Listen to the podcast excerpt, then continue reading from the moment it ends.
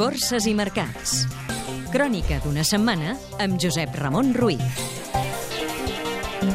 En una setmana farcida de decebedors resultats empresarials, la majoria s'han quedat per sota de les estimacions dels analistes, les borses han tancat en negatiu pressionades també per les dèbils perspectives de creixement econòmic mundial.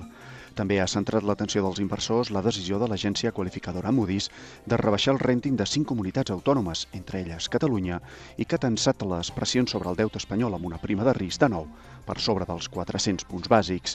La setmana que el Tresor, amb una bona demanda i pagant uns interessos similars respecte de la subhasta anterior, ha col·locat 3.528 milions d'euros en lletres a 3 i 6 mesos, l'IBEX 35 ha baixat un 1,7% fins als 7.775 punts després que la Comissió del Mercat de Valors ha decidit prorrogar fins l'1 de novembre la prohibició de les posicions curtes, és a dir, d'apostes a la baixa.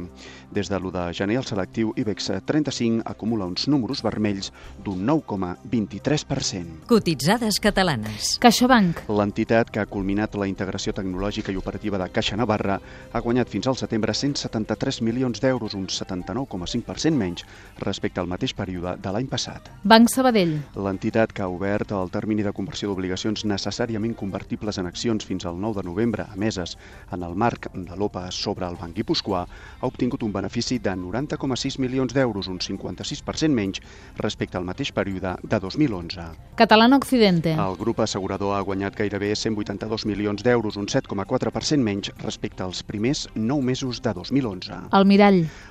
Els laboratoris han tancat un acord amb la biotecnològica AB Biotics per entrar en el seu capital amb una participació mínima del 5% després de subscriure una ampliació de capital d'un milió d'euros. Renta Corporación. La immobiliària ha guanyat 4 milions, un 4% més respecte al gener-setembre de l'any passat. L'euro.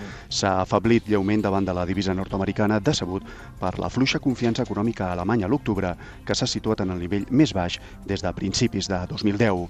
Aquest divendres el Banc Central Europeu n'ha fixat el seu canvi oficial a 1,2908 dòlars. El petroli. El preu del barril de cru tipus Brent, el de referència a Europa, s'ha abaratit aquesta setmana fins als 108 dòlars de mitjana, després que les reserves setmanals nord-americanes de cru i gasolines han pujat més del que s'esperaven els analistes. Vocabulari financer. Què són les vendes en curt? És l'operació d'agafar prestades un nombre determinat d'accions a un altre accionista per vendre-les immediatament en el mercat i apostar perquè baixin de preu en el futur.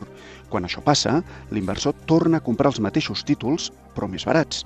Torna les accions al propietari, que guanya una comissió, i l'inversor s'embutxaca la diferència.